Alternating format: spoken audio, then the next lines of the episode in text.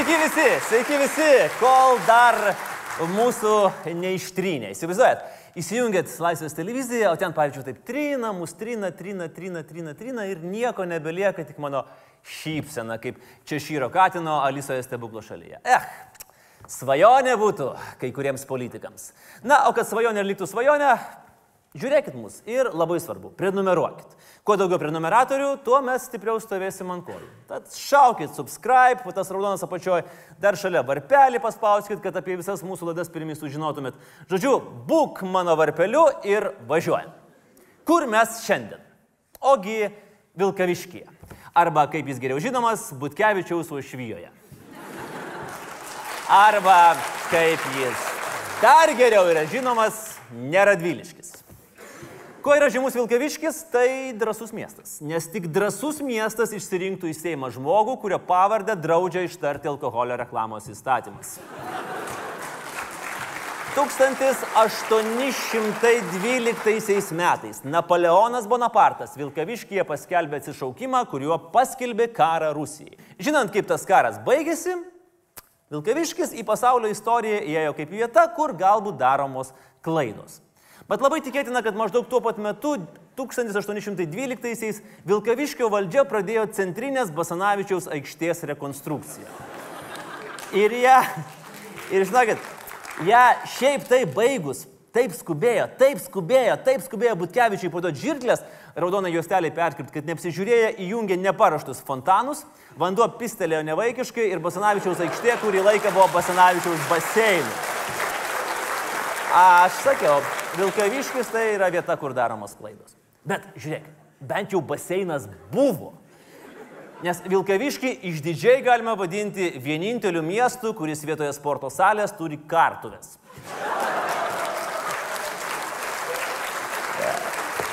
Taip miestiečiai vadina nuo sovietmečio statomą ir nepastatomą sporto salę. Kartuvės neseniai apžiūrėjo ir premjeras, tas, kuris naikina įrašus, ir Seimo narys, tas, kuris draudžiama pavardę. Ir abu du mušėsi į krūtinę, kad salė bus, Hebra bus salė. Na, bet jeigu prie Algelio nepastatė, tai jau, žinot, nebėra ką sakyti, kaip kalba Vilkaviškio žmonės. Kalba tyliai, nes viską girdi Vilkaviškio meras Otsdemas Neiberka. Dar geriau žinomas kaip Butkevičiaus vadegytė. Rimtai. Žiūrėk, Basanavičiaus baseinas, sporto kartuvės, žemdirbių šventė, Kibartų bažnyčios šventė, jie visur kartu. Jie visur. Petys petin. Kaip sakoma, šaudė, tu šaudė. Vat pavyzdžiui, Butkevičius atvaro į Aušros gimnaziją pas mokinius, meras irgi iš paskos. Vat pavyzdžiui, nuotraukoje matome šimtus gimnazistų trykštančių entuzijazmų, kad galėjo pamatyti gyvą Butkevičių ir Neibertą. O prieš rinkiminę rugsėjo pirmąją Visos Vilkaviškio rajono gimnazijos turėjo priderinti savo rugsėjo pirmosios šventės laiką prie saldžiosios politikų porelės, kad jie spėtų aplėkti ir keturias mokyklas, ir darželį Buratinas. Na, vad nuo jo ir pradėjo. Vis dėlto stebėti po mokyklas lakstantį Algirdą Butkevičių nėra keiščiausias užsiemimas Vilkaviškė. Štai pernai Vilkaviškio policija tyrė, kaip trys vyrai įsibrovė į Vilkaviškyje esantį būtą, atjungė ir pavogė klozetą, tris peilius ir duonos kepalą klozetas, trys peiliai ir donas kepalas. Skamba labiau kaip mo muziejaus eksponatas, o ne policijos suvestinė. Bet žinoma, niekas neprilygs Pilviškių trikampio istorijai, kur dabar jau buvęs gimnazijos direktorius buvo užkluptas su savo pavaduotoju bestudijuojantis Kamasutros meną, o toje pačioje gimnazijoje direktorių žmona dirbo mokytoja. Na, kaip ir sakau, Vilkaviškis vieta, kur daromos klaidos. Ir čia dar ne viskas. Iš darbo atleistas gimnazijos direktorius netrukus tapo Marijampolės suaugusiųjų mokymo centro direktoriumi. Suaugusiųjų mokymų. Kažkuria prasme istorija su laiminga pabaiga.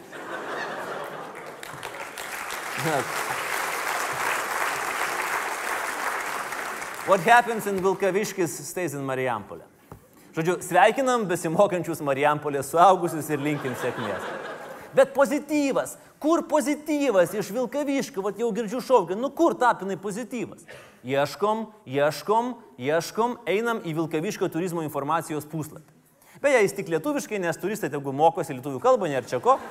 Ir žiūrim, lankytiniai objektai, Vilkaviškis ir tekstas. Pačiame Vilkaviškė nelabai yra ką aplankyti. Wow. Rimtai. Bet yra pėsčiųjų maršrutas po Vilkaviškį. Jame siūloma apžiūrėti polikliniką, banką ir šurmuliuojančią parduotuvę Norfa. Aš nejokauju. Vilkaviškėje jums realiai pasiūlys apžiūrėti Norfą. Nu, vis tiek turbūt įdomiau negu žiūrėti į Butkevičių su Neiberka. Bet rimtai, nu negi sunku sukurti, hebra, legendas, pramogas, užsimimus, išnaudoti Kudirką, Basanavičių, Bradūną, Nėri. Nu galų galiai išversti turizmo puslapį į anglų kalbą. Va, žiūrėkit, imkite idėją. Turistinis maršrutas po apleistas ir nepastatytas vietas. Basanavičiaus baseinas, sporto kartuvės, apleista kudirkos klėtelė, pilviškių trikampis ir dar bonusas sutinki būtkevičių. Nes vis tiek ne kažką veikia, tai gali sudalyvauti. Maršruto pavadinimas nebėra ką sakyti.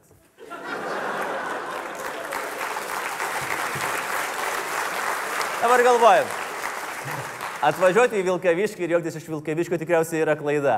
Bet, ei, Vilkaviškis vieta, kur daromos klaidos. Tai. tai ačiū, kad dar neprikelėt manęs prie sporto salės, kurios neturite sienos. O galėtumėt, nes plaktukų turite. Liepa, Vilkaviškio rajono Degučių kaime atsidarė unikalus plaktukų muziejus. Ir tokių visame pasaulyje yra vos keturi.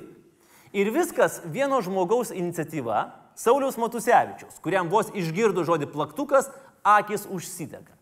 Šį vakarą iš čia, laikykitės ten, pasitikime plojimais, Saulis Matusevičius.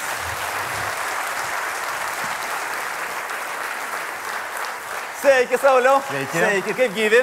Nu, po jūsų tokių pasakymų, tai sunkiai, žinokit, kaip tikras vilkaviškietis. Jau skauda dabar. Taip, dabar. jau skauda. Da gerai, kad mano plaktukai, nes tai būtų Ne, tai labai žinokit, blogai. Apie žmogų, kuris turi kiek plaktukų. Nu, šiai dienai 640. Tai va, tai apie, šito, apie, apie tokį žmogų blogo žodžio negalėčiau pasakyti, nes tikrai, tikrai Aš aš neprieš. mirties. Sauliau, labai trumpai. Jums kažkas tikrai negerai truputėlį su galva yra, ne? ne? Jeigu Plaktukas nukritęs turbūt. iš kur šitą idėją atėjo kolekcionuoti? Jie dar muziejų atidaryti. Palaipsniui, manęs daug klausė žurnalistai, kodėl taip įvykė, kodėl taip sugalvojot. Taip niekas negalvojo, taip įvyko savaime. Viskas, viskas savaime įvyko po truputį, po truputį. Kaimynas parodė, kad plaktuką atnešti, aš net atnešiau, jis pasakė, kad parodysiu kitą nu, ir prasidėjo viskas. Ir čia tai viskas ir sklandžiai praėjo, jokių keiksmažodžių nebuvo, kai net nešė tą plaktuką, nes paprastai būna. Negalima taip sakyti. Negalima sakyti. Viešai. Gerai, o ką, o ką, Sauliu, man labai įdomu visą laiką klausimas, o ką žmona galvoja apie 650 plaktukų namuose? Nuostaba kėlė. Nuostaba kelia. Oi, kaip jūs diplomatiškai pasakėt. Sauliau, a, turit kokį nors svajonių plaktuką? Iš kokio nors galbūt žmogaus rankų norėtumėt? Turit tokių, vat, pavyzdžiui, nu, vat į kolekciją. Taip, buvo svajonė. Seimo pirmininkų. Seimo pirmininkas. Taip. Dabartinė. Taip. Gerai, e, Sauliau. Dėmesio į ir visą Vilkiešių publiką. Dėmesio į ekraną. Sauliau Matusevičiau iš Degučių kaimo Vilkaviškio rajone. Labai džiaugiuosi išgirdęs, kad jūs kolekcionuojate plaktukus. Man labai gaila skirti su savo labai darbingu plaktuku, kuris kainavo 84 metais 80 kapeikų ir svėrė 800 gramų. Man teko su juo daug padirbėti įrengiant namą, įrengiant butą, dabar jis atitenka jums. O kad jis nebūtų labai vienišas, aš jums dar dovanoju ir tų laikų dėžutėje, kafija vadinasi, vinių tarybinių, kurios irgi turbūt niekam tikusios nebuvo, kadangi tai yra aliuminės ir jų įkalt neįmanoma, o čia dar tokios šiferinės vadinamos. Išbandykit, gal pradėsite kolekcionuoti ir vinis. O šiandien aš lieku dirbti tik tai su tokiu plaktuku.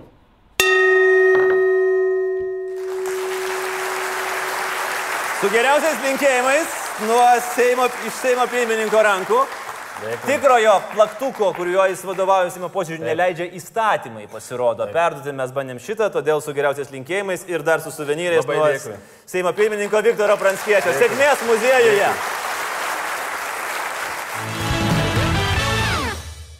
O dabar, mėlyjeji, pažiūrėkime, kas gyvyko nuostabiausioje iš visų šalių šią savaitę.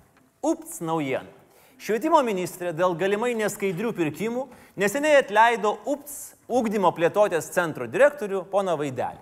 Ir dar pirmadienį paskyrė laikinai Richardą Totoraitį. Ir jisai sako, nu juk jūs negalvojat, kad mes atėję į darbą galvojam, kaip čia mums dabar pasukčiauti su pirkimais. Pasirodo, kad galvoja. Ponas Totoradis išsilaikė lygiai vieną dieną. Vieną dieną išsilaikė. Ir taip pat buvo nušalintas dėl neskaidrių pirkimų. Ups. Žiūrėk, idėja Lietuvai. Nesodinkim tokių piliečių į kalėjimą. Geriau juos apgyvendinkim vienam kaime, kur nors toli nuo viešųjų pirkimų ir pavadinkim kaimą 40 totoraičių.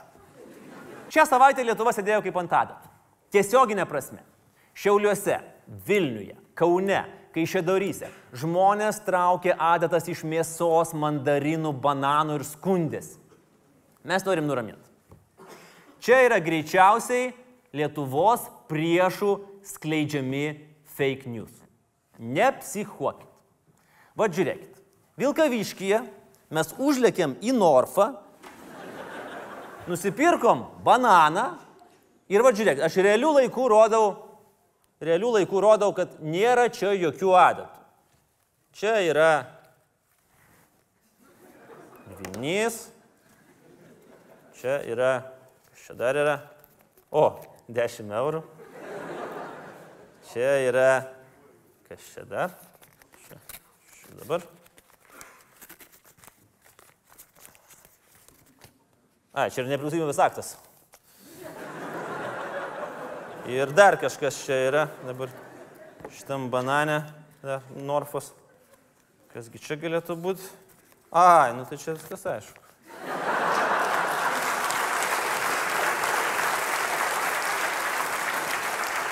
Visas džentelmeno komplektas. E, Ir žinokit, bananai tikrai nėra vienintelis daiktas, kur galima rasti adatą. Pavyzdžiui, neseniai Laisvės televizija nusipirko kalėdoms šieno kupetą, spėkit, ką radom? Adatą. O šiaip adata yra geras įrankis. Sveika, jo kartais įdurti savo į koją, kad įsitikintum, jog tai, kas vyksta, yra realybė, o ne koks nors blogas sapnas. Praeitą savaitę valstiečiai ir konų balsavo už 200 tūkstančių eurų dotaciją socdarbiečiams. Šlykščiai nubalsavo, prijungiant šitą klausimą prie balsavimo už pinigų skolinimąsi valstybės saugumo reikmėms. Bet nubalsavo. Ir visiems toks liko skonis toks šlikštus, burnoji tarsi nuo, nuo pašildytų šaltybarščių. Bet nėra to šlikštaus skonio gerkliai, kurio nenuplautų 19 butelių vyno. Sotsdarbiečiai užsipirko. 19. Keista, bet balto vyno daugiau negu raudono. Labai keista. O geriausia dalis buvo ta, kad viskas išaiškėjo tada, kai parduotuvės vadybininkė išsiuntė sąskaitą ne Sotsbebrams, o Palutskui. Ot gamta, ne? Sotsbebrai tusinasi, o sąskaitas visada turi apmokėti Palutskas. Palutskas, kuris viešai prisipažino, kad nebegeria. Tačiau nebe Palutskas, o Naulutskas. Ir šitą situaciją apibendrint aš galiu tik vienu klausimu iš dviejų žodžių. Kur vynas? Principė čia neklausimas. Principė net ne iš dviejų žodžių. Bet apibrėžia šitą balsavimą. O šiaip su vynu reikėtų atsargiai. Bet pavyzdžiui, istorija praėjusios savaitės. Kaune. Neseniai. Vyno padauginęs vienos žinomos nekilnojamojo turto agentūros brokeris Darius, pavardė žinoma neskelbiama žiniasklaidoje, išsikvietė taksi, nurodė, kad vairuotų moteris, nes galima ten apse, ir visą kelionę nusimovęs kelnes save tenkina. Atvažiavus, paaiškėjo, kad Domas neturi 9 eurų susimokėti už kelionę ir žada tenkindamas save automobilyje sėdėti iki ryto. Jis paėmė taksistės planšetę, išjungė ten navigacijas ir įsijungė porno. Tuo metu, galvodamas, kad taksi laisvas, į jį sėdo dvi moteris. Paaiškėjo, kad taksi nelaisvas. Tada taksistė iškvietė kolegą Vilių. Čia aš jums skaitau kroniką, kad jis įtikintų Domą išlipti. Vilius visai kaip Domą įtikinėjo, bet nesėkmingai. O kadangi Viliaus laukia klientai, tai jis nebegalėjo tikinėti ir išvažiavo, palikęs Domą toliau mašinoje su planšetė. Ir tik atvykus policijai, brokeris pagaliau baigė pasirodymą. Už nepagarbą aplinkiniams teismas nurodė jiems sumokėti ne 9, o 1800 eurų. Ir čia yra du dalykai. Kokio kietumo yra Kauno taksistės, kad įsėda klientas, nusimauna kelnes, pradeda maskatuoti savo švituoklę, o jos vis tiek jį atveža į nurodytą vietą.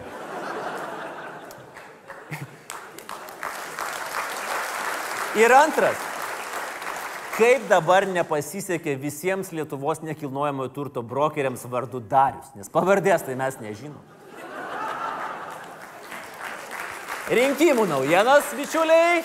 Vygauda Ušaska toliau skriaudžia jo paties partiją. Visais įmanomais būdais.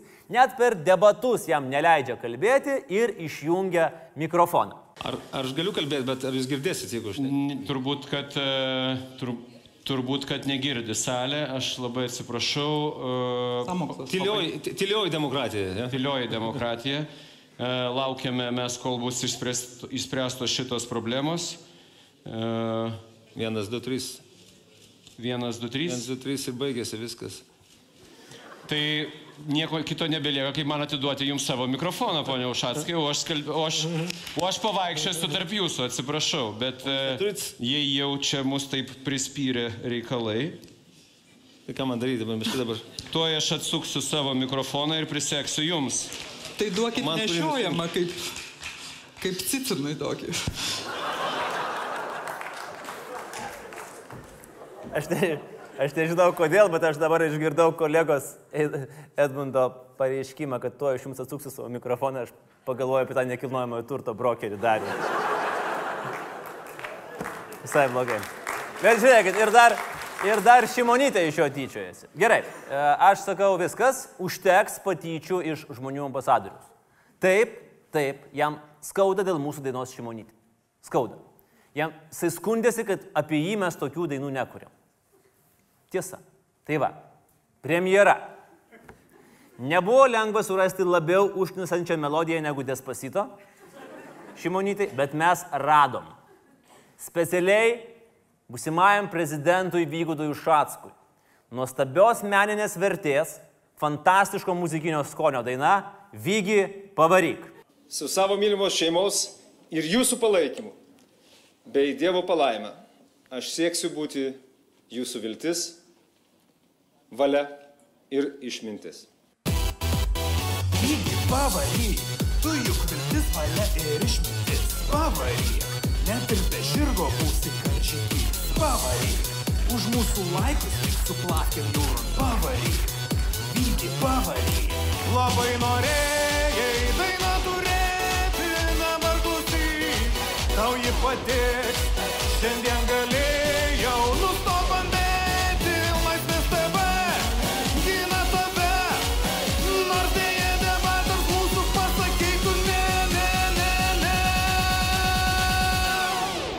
Aš niekada nesakau niekam ne. O pavygaudas, Kol kas aš nesu nieko nesikalbu, nematau tam būtinybės. vygaudas, o, o, o, o, o pavygaudas, Tai nėra apie populizmą, tai yra apie tai, ką aš girdžiu. vygaudas, o, o, o, o, o pavygaudas. Šimonytė, o, o, o,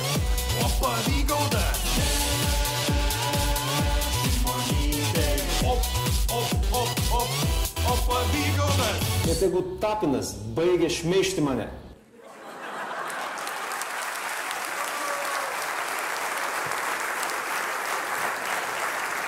O dabar apie neapdainuotus herojus. Kandidatas į prezidentus Arvidas Jozaitis susitiko su visais savo rinkėjais. O Aušra Maldeikienė iš anksto švenčia Halloweeną ir vaidina zombį. Nes pasakė, kad mano taktika nėra laimėti rinkimus, o laimėti smegenis. Duokit Maldeikieniai smegenis. Brains. Žvilgsnis į a, vyriausybę. Nieko naujo pasaulyje ir nieko naujo pasauliu. Tik ištrinto įrašo seriale nauja serija. Vyriausybė dabar ištrynė visus savo posėdžių įrašus internete. Visus. Ctrl, Alt, Delete. O po poros dienų premjeras sako, mes svarstome ne tik vyriausybės posėdžius, bet ir pasitarimus transliuoti viešai. Tai žiūrėk, nu, kaip čia dabar gaunas. Aš paaiškinsiu pagal analogiją. At, imkime automobilį. Premjerą. Na, ne, ką jis ten su škoda važinėja, man atrodo. Premjeras nusimano apie automobilius. Ir pavyzdžiui, premjero automobilyje perdegė žibintas. Tai ką tu darai? Nu, normalus žmogus įstato naują. Nu, jeigu nemoka, pas veža meistram. Bet jeigu tu skvernelis ir tavo automobilyje perdegė žibintas, tu paimi lasdą, išdaužai visus kitus žibintus, nupjauni stabdžių žarnelę, pripili cukraus į baką, su vyniu perini per abu sparnus ir tada sakai, nu tai reikia į servisą varyti šitą mašiną. Šią savaitę šią savaitę opozicija dar kartą bandė pasikviesti premjerą pasikalbėti apie įrašų naikinimą. Nu, ką darytų bailokas arba įsižeidęs žmogus? Nenorėdamas eiti, užsidarytų už durų. Bet mūsų premjeras žaidžia aukštesniai lygoj. Jis išvažiavo į durų fabriką Marijampoliai. Ir va ten užsidarė, kur yra labai daug durų.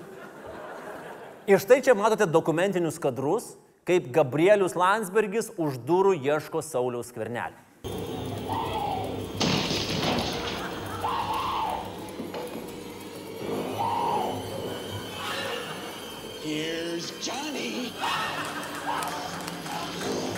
O kai mūsų Primas pradėjo girtis, kad nauja gamykla Marijampolė, tai čia jo, jo, jo, jo, jo, jo, jo, jo, jo, jo, jo nuopelnas. Tai žinokit, neišlaikė ir lankytinas Vilkaviškio objektas Algirdas Butkevičius.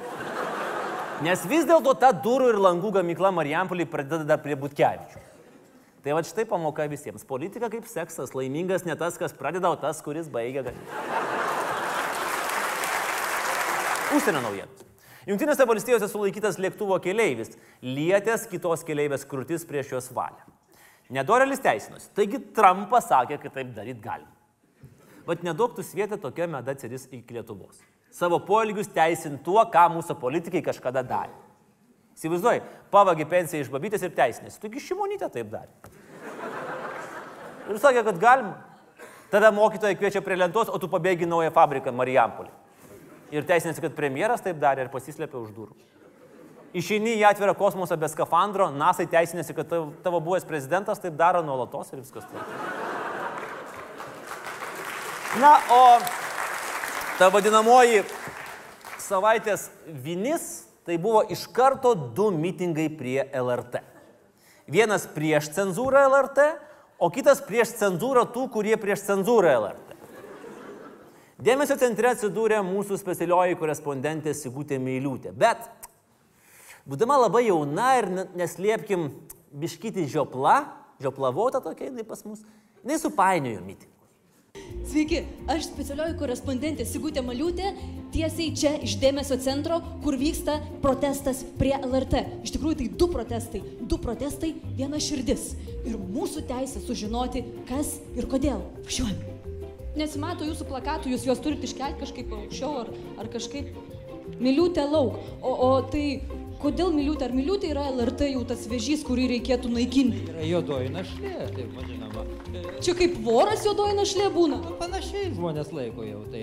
Gal iš šitą plakatą gavo iš ko nors, ne pats parašė. Ar jūs pats padarėte šitą plakatą spausdinę? Ne, ne, ne pats. O kas jums davė šitą plakatą? Organizatoriai. Kurie čia yra, orga... o kurie čia yra organizatoriai? Ne. Čia LTV laida. Mūsų LTV. Taip, taip, taip, LTV. Kakadu. Kakadu. Anksčiau kviesdavo dar kitos nuomonės, dabar tik susikviečia Jekelaičius visai savus, tuos pačius propagandistus ir yra viena ideologinė pusė, kaip ir anais tarybinės laikais. Valio miliūtėjai. Valio miliūtėjai. Tas bičias, kuris tikrai yra nežemesnio negu 73 lygio protestuotojas, yra ne šiaip mitingų super sajanas. Jis yra valdžia. Jis yra žmonių išrinktas Kauno tarybos narys Algis Raižys. Tiesa, išrinktas kartu su Puko komitetu, tai patys suprantat. Ir labiausiai išgarsėjęs, kai salėje tarybos metu Kaune profesionaliai įvertino modernaus šokio teatro aurą spektaklį. Kiek teko spektakliuose matyti, tai labai profesionaliai pamėgdžioja psichiko, psichikos ligonių konvulsijas, homoseksualų, e, reiškia e, kažkokius tai melės traukulius. Vo, Kauno miesto tarybos narys. O, o. Gerai, grįžtam, grįžtam į, į, į mitingus, grįžtam, grįžtam pas Sigutę. Aš nesuprantu, čia tuoj bus, žinokit, muštynės. Mes pažeidinėjame tvarką už laisvę. Dėdė, nelipkit per laidą. Aha, aš, man, man atrodo, mane čia tuoj pradės mušti. O tai du mitingai negali būti, kad ir vat jie pareikė. Palaukit, ar mes nepareikėm? Ar jie organizavo mitingą? Ir kodėl jūs dabar nebus? Sakykit. Ėjau, sustojau, nu, tai ko čia. Tai suprantat, va, tada mitingas buvo ir kai sovietams nepatingo tas mitingas, jie, kad negirdėtų žmonės, paleido virtualiotus to savo, žinai, ten burzgė, užė ir taip toliau. Tai jūs galvojat, kad jie yra virtualiotai? Absoliučiai tas pats. Aš nelabai suprantu, čia dabar susijungia tos dvi jėgos, labai jaučiasi įtampytė tokia didžiulė, ar ne? Įtampytė. Gesmė gerklėje mirtis uždaro, kaip uždaro vakarą naktis. Kokia konkrečiai nuomonė jūsų buvo užcenzuruota LRT? Dėl ko? Kokia konkrečiai jūsų pozicija nuomonė buvo užcenzuruota LRT? Mano? A, aš nesiveržiu ten. Jūs įnikam laidą padarysit? Padarysim. Jūs tik siūlot, žinot, ką jūs pasiūlėt? Pasiūlėt tik tai skambinti. Aš praktikantė, aš- Atsakiklį, atsakiklį skambinti. Sako, pensija, kad jūs... Veskit toliau tą moterį. Nenutildykit manęs, prašau. Čia toks vyksta ryto suktinis prie LRT, kad jam išsiaiškinti reikėtų tikro auksinio proto. O kai pasižiūrim ir į vienus protestuotojus, ir į kitus, tai reikėtų jau ir daktaro kažko paklausti. Tai specialiai LTV Sigutė Maliutė. Ir šiaip, aš pritariu šimtų procentų. Miliutė, lauk, lauk, lauk, miliutė. Lauk, miliutė, va. Lauk. Ir kadangi esam Vilkaviškyje, tai jau tikrai reikia ir pacituoti, lauk, kai nebelauks niekas niekada, kaip prašė Salomėja Neris. Ko laukti miliūtei, klausim mes ir dovanojam šitos specialius marškinėlius. Parašyk, laikykitės ten Facebook komentaruose prie šitos laidos video, ko laukti miliūtei ir geriausių komentarų autorius mes apdovanosim marškinėliais. Va tokia buvo fantastiška savaitė mūsų nuostabioje valstybėje. Olė. O šiandien pakalbėkime apie etatinį mokytojų apmokėjimą. Kaip vadina ministrė reforma, kaip vadina mokytojai, kas čia vėl bus. Reforma lotiniškai reiškia sistemos pertvarkymas prispyrus reikalui. Švietimas pas mus toks dalykas, kad reikalas prispyręs nuo nepriklausomybės pradžios. Bet nepadeda niekas. Nei laisvinančios Steponavičiaus žvakutės, nei kėtinantis pitrinės lašiukai. Netgi nepadėjo net ministras Dainius Pavalgis, kuris pagal išsilavinimą yra proktologas. 30 metų prispyręs reikalas. Taip pat kaip Lietuvos futbolo rinktinė. Ai ne, priešingai nei Lietuvos futbolo rinktinė. Reikalas, kuris 30 metų niekaip neprispyrė. O kiek buvo bandymų sutvarkyti švietimą? O koks skirtumas, jeigu ne vienas normaliai nepavyko? Kažkada svaigom apie tautinę mokyklą. Kodėl tautinę? Nu, toks buvo metas. Manėm, kad viską, ką pavadinsim tautiniu, bus geriau. Tautinė juosta, tautiška gesmė, tautinė kola, tautinis švietimas. Netgi ištiko Lietuva tokia tragedija kaip grupė tautinis brandas. Bet apie muzikos genocidą mes šiandien nekalbėjome. Kubiliaus vyriausybėje prie švietimo ministerijos vairo stojus Gintarui Steponavičiui buvo įvesti krepšelį. Du. Vienas vaikams, kitas Steponavičiui, kad turėtų kur pinigus dėti nuo koncerno ant žiboltų gal. Pagal idėją vaikui skiriama kažkiek pinigų ir jie vaikšto paskui vaiką, kaip Kurlenskis paskui Masiulį. Nu, dabar jau nebevaikšto, nei Kurlenskis, nei pinigai. Oi. Tikslas buvo paprastas. Geriausios mokyklos džiaugsis, o blogesnės tenksis pasivyti, kad neliktų beduonos kasnio. Nu, teoriškai. Realiai vaikai ir pinigai pradėjo gravituoti link geriausių mokyklų, bet liūdna fizika, mokyklos neguminės, jos pradėjo atsirinkinėti geriausius. O blogesni buvo palikti blogesniems. Ir vat geriausias gerėjo ir darėsi tokios kaip licėjus ar KTU gimnazija, o blogesnės dėja toliau liko savimi. Galvose mums skamba pavojaus varpeliai, nes mokinių lygis Lietuvoje krenta kaip numirėlio pulsas. Ir pačių moksleivių tragiškai mažėja. Prieš dešimt metų buvo beveik pusė milijono. 14 jau tik 350 tūkstančių. 17 320 tūkstančių. Panašiais tempais mažėja tik radžio honorarai koncertas. Ir mes dar godėmės, kad iki 16 metų daugėjo pirmokų. Nu tai čia aišku. Aštuntais buvo krizė, neturėjom ką veikti. Nu tai ir darėm, ką dabar valdžia su mumis daro. Krizė praėjo, atsirado pinigų kinų ir koncertams ir pi- pirmokų mažėjo. Grandinėlė yra paprasta. Trūksta mokinių, trūksta krūvio, trūksta pinigų. Trečdalis mokytojų uždirba 500 eurų. Arba galbūt paaiškinsiu paprasčiau. Trekždalį iPhone. Ir varpeliams skambant naujas bandymas etatinio apmokėjimo sistema. Tikslas buvo kilnus - supaprastinti sistemą, kilstelti atlyginimus ir pritraukti jaunus mokytojus, nes jų tuoj pradės trūkti labiau negu skverneliui pasiteisinimų. Oi, čia mes neturėjom kaupti tų įrašų, čia ne mano atsakomybė, čia opozicija ieškom priekabę. Paleidus reformą, pradėtos skaičiuoti mokytojų kontaktinės valandas. Vėlgi, nu, bandau paaiškinti kažkaip aiškiau. Įsivaizduokite reformą striptizo klube. Šokėja gauna tik už valandas, kai šoka klientų. Tai va čia yra jos kontaktinės valandos. Už tas valandas, jinai ruošiasi, treniruojasi, persirenginė, skaito knygas, vadovėlius, jai niekas nemoka. Aš ką tik palyginau mokytojo darbą su striptizo šokėja. Negalima taip lyginti. Mokytojai tiek niekada neuždirbs.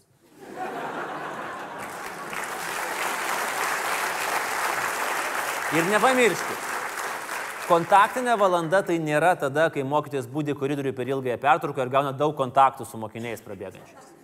Lietuvos švietimo sistema apskritai yra unikalus dalykas. Trys profsąjungos, skirtingos. Čia kaip kinų restorano meniu. 30 puslapių patiekalų, bet viskas yra saldžiarūkštė vištiena. Kad ir dabar. Švietimo profesinė sąjunga sako, kad šita reforma yra vo. Švietimo darbuotojų profesinė sąjunga sako, kad reforma nėra vo.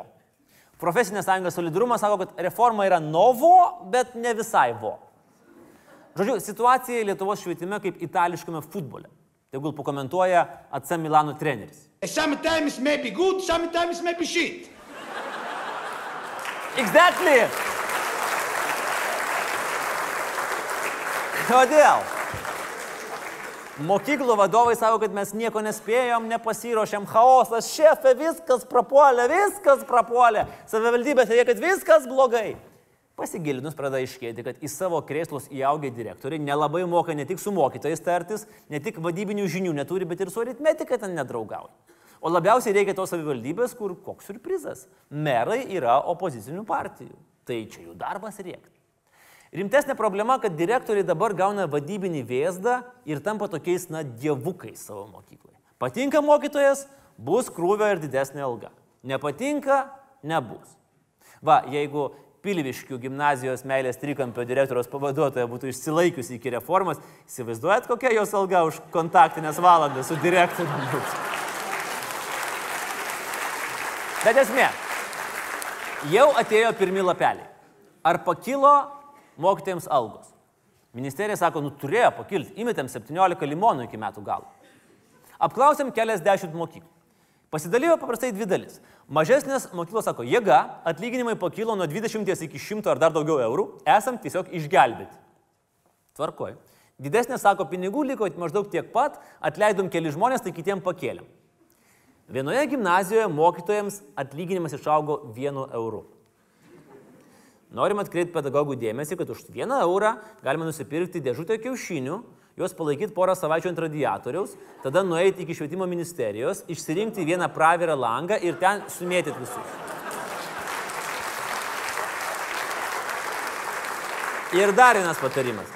Kai išlys kokie nors apsauginiai ir bandys jūs supakuoti, priešinkitės, o po to sakykit, kad čia buvo kontaktinės valandos ir jūs už jas turi sumokėti. Padidėję atlyginimai dažniausiai siejami su nekontaktinėmis valandomis. Papildomas darbas, nu, kokios nors, pavyzdžiui, rudenėlio šventės koordinavimas. Ir tada įkrenta šis tas. Yra mokytojų, kuriems už tokią dalį atlyginimas pakilo beveik 50 procentų. Vilnius licėjus direktorius Saulis Jurkevičius sako, kad jam nebeaišku tada kokia mokytojo paskirtis. Mokyti matematikos ar šokti kadrilį. Matot, vis dėlto gali mokytis iš šokimo užsidirbti. Atrodo, kad gyvenimas gal pagerės jauniems mokytojams, kurie iš tikrųjų gaudavo Katino ašaras ir regioninėms mokykloms, nes ten algos pakilo beveik visiems. Toks ir buvo tikslas - išsaugot mažasias mokyklas, mest pinigus gelbėt mokyklų tinklą, bet ne jį tobulinti. Tai, sakykime, šitas tikslas su laiku gali būti pasiektas. Neaišku, ar tikrai jo reikia, bet vis bus pasiektas ir regionų elektoratas bus užganėdintas. Valdžia dabartinėje sistemoje, sako, norėjo aiškumo. Bet pasidarė taip neaišku, kad į mokyklas vyksta speciali ministerijos grupė aiškintis ir aiškinti. Įsivaizduojat, atvažiuoja tokie ekspertai su audiniam striukiam ir klausia mokytojų, kam čia kas neaišku.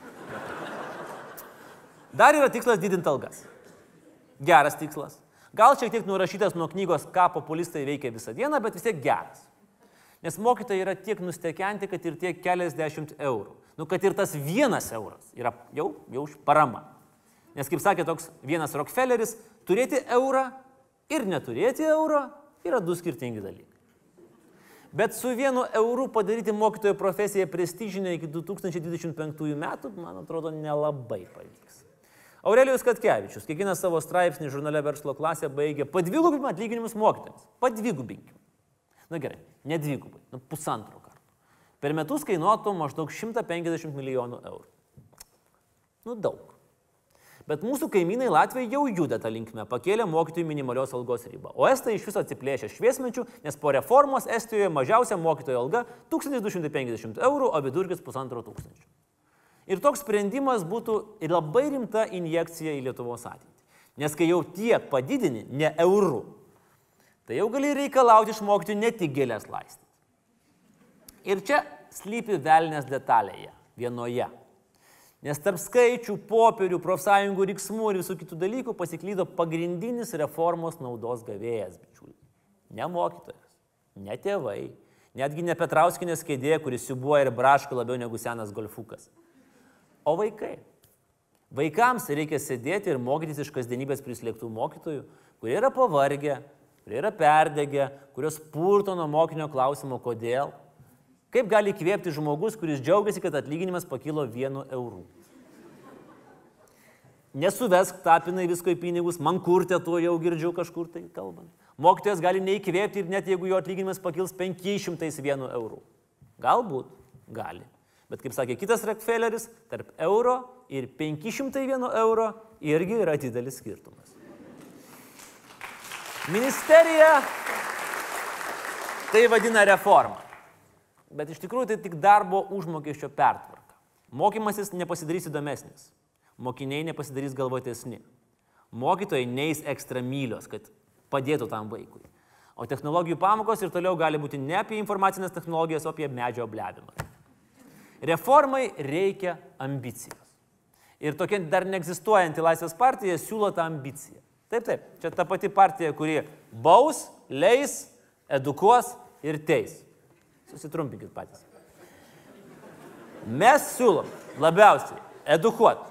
Žiūrėk, mes turim planą. Turim planą. Pirma. Siūlom padidinti atlyginimus tiek, kad ir knygom užtektų, ir bilietų į teatrą, ir naktimis mokytojas miegotų, o nesargautų Norfui. Antra. Siūlom keisti vadovus. Petrauskinė lauk, von. Ministerija lauk, Praima lauk, visus lauk. Ministerijai reikia įkvepiančio vadovo. Ir toks yra. Gražinkim Pitrieninę. Pagalvokit. Žmogus, kuris suteikė visai švietimo sistemai veidą. Antakius. Tik jos dėka vaikai įsitikino, kad ačiū yra rašomas be nosinės. Kad Londone galima ne tik dirbti, bet ir turėti gerą laiką su savo vyru naktį. Tik jos dėka vaikai sužinojo, kad yra žodis pedagoginis, bet ne pedagodinis. Ir tik jai sakom ačiū už priebalsių asimiliacijos pamokėlę ir kad autronė ir audronė yra du skirtingi vardai. O kiek iš jos išmoko švietimo įstaigų vadovai? Mm. O kiek dar neišmoko? Žinot, tiek daug pas mane šiandieną yra jausmų ir jie yra tokie įvairūs. Jeigu aš pradėčiau ir norėčiau išsakyti viską tai, ką jaučiu, tai žinokit, sugadinčiau jums šventę.